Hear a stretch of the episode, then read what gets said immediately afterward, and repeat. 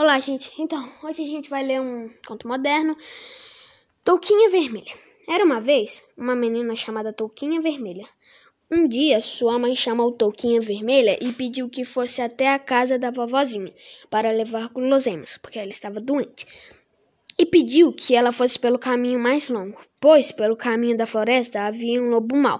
Touquinha desobedeceu e foi pelo caminho da floresta e encontrou o lobo. O lobo mau, sabendo que a Touquinha iria levar doces para a vovó, correu até lá para comer a vovozinha.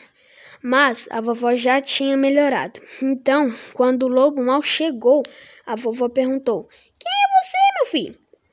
E o lobo: Eu sou o lobo mau e vou te comer, disse o lobo.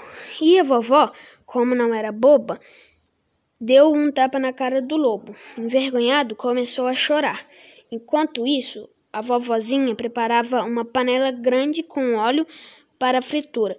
Touquinha escutou o choro e foi correndo até a casa e teve uma grande surpresa quando chegou. Encontra o lobo chorando e a vovoz e cheiro de fritura. Pergunta: Por que está fritando tanto óleo, vovozinha? É, por, é para fazer uma carninha para você, disse a vovó. Carne de que? perguntou a Toquinha de lobo, disse a vovó. Você não pode fazer isso, vovó.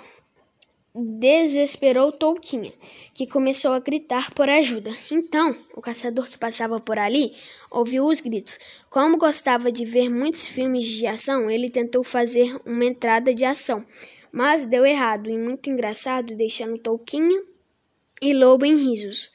Quem é você? perguntou a vovó. Eu sou o caçador, o herói salvador da pátria, disse ele. Então todos começaram a rir. O caçador bravo liga para a polícia. Quando a polícia chegou, analisou a situação e prendeu a vovozinha. Muito brava, vovozinha disse que não tinha feito nada, mas, diante dos fatos e das testemunhas, e ela foi presa por tentativas de matar animais em nossa fauna.